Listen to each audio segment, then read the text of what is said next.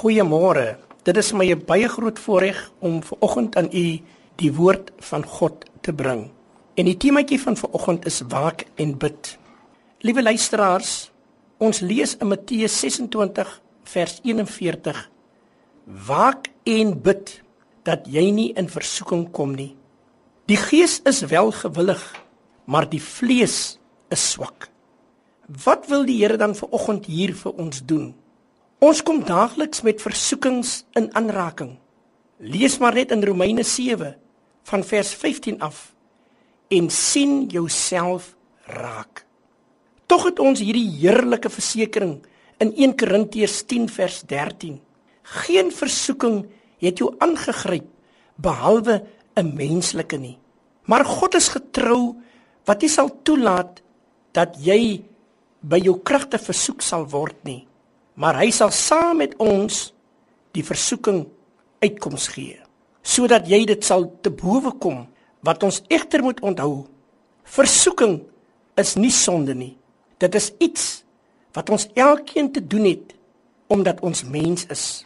Onthou die vyand satan het selfs gewaag om die Here Jesus self onder versoeking te probeer lei het. Kan hy ons help wat versoek word? Hy bewaar en red ons nie van versoekings nie. Dit is jou en my besluit of ons na Satan gaan luister.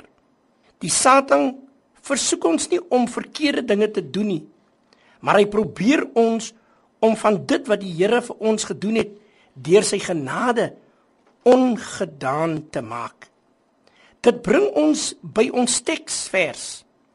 Waak en bid.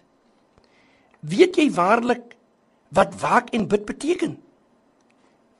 Liewe luisteraar, waak en bid is die dinamiet wat ons van die Heilige Gees ontvang om al die versoekings van Satan uitmekaar te skiet. Waak en bid is ons magtigste wapen.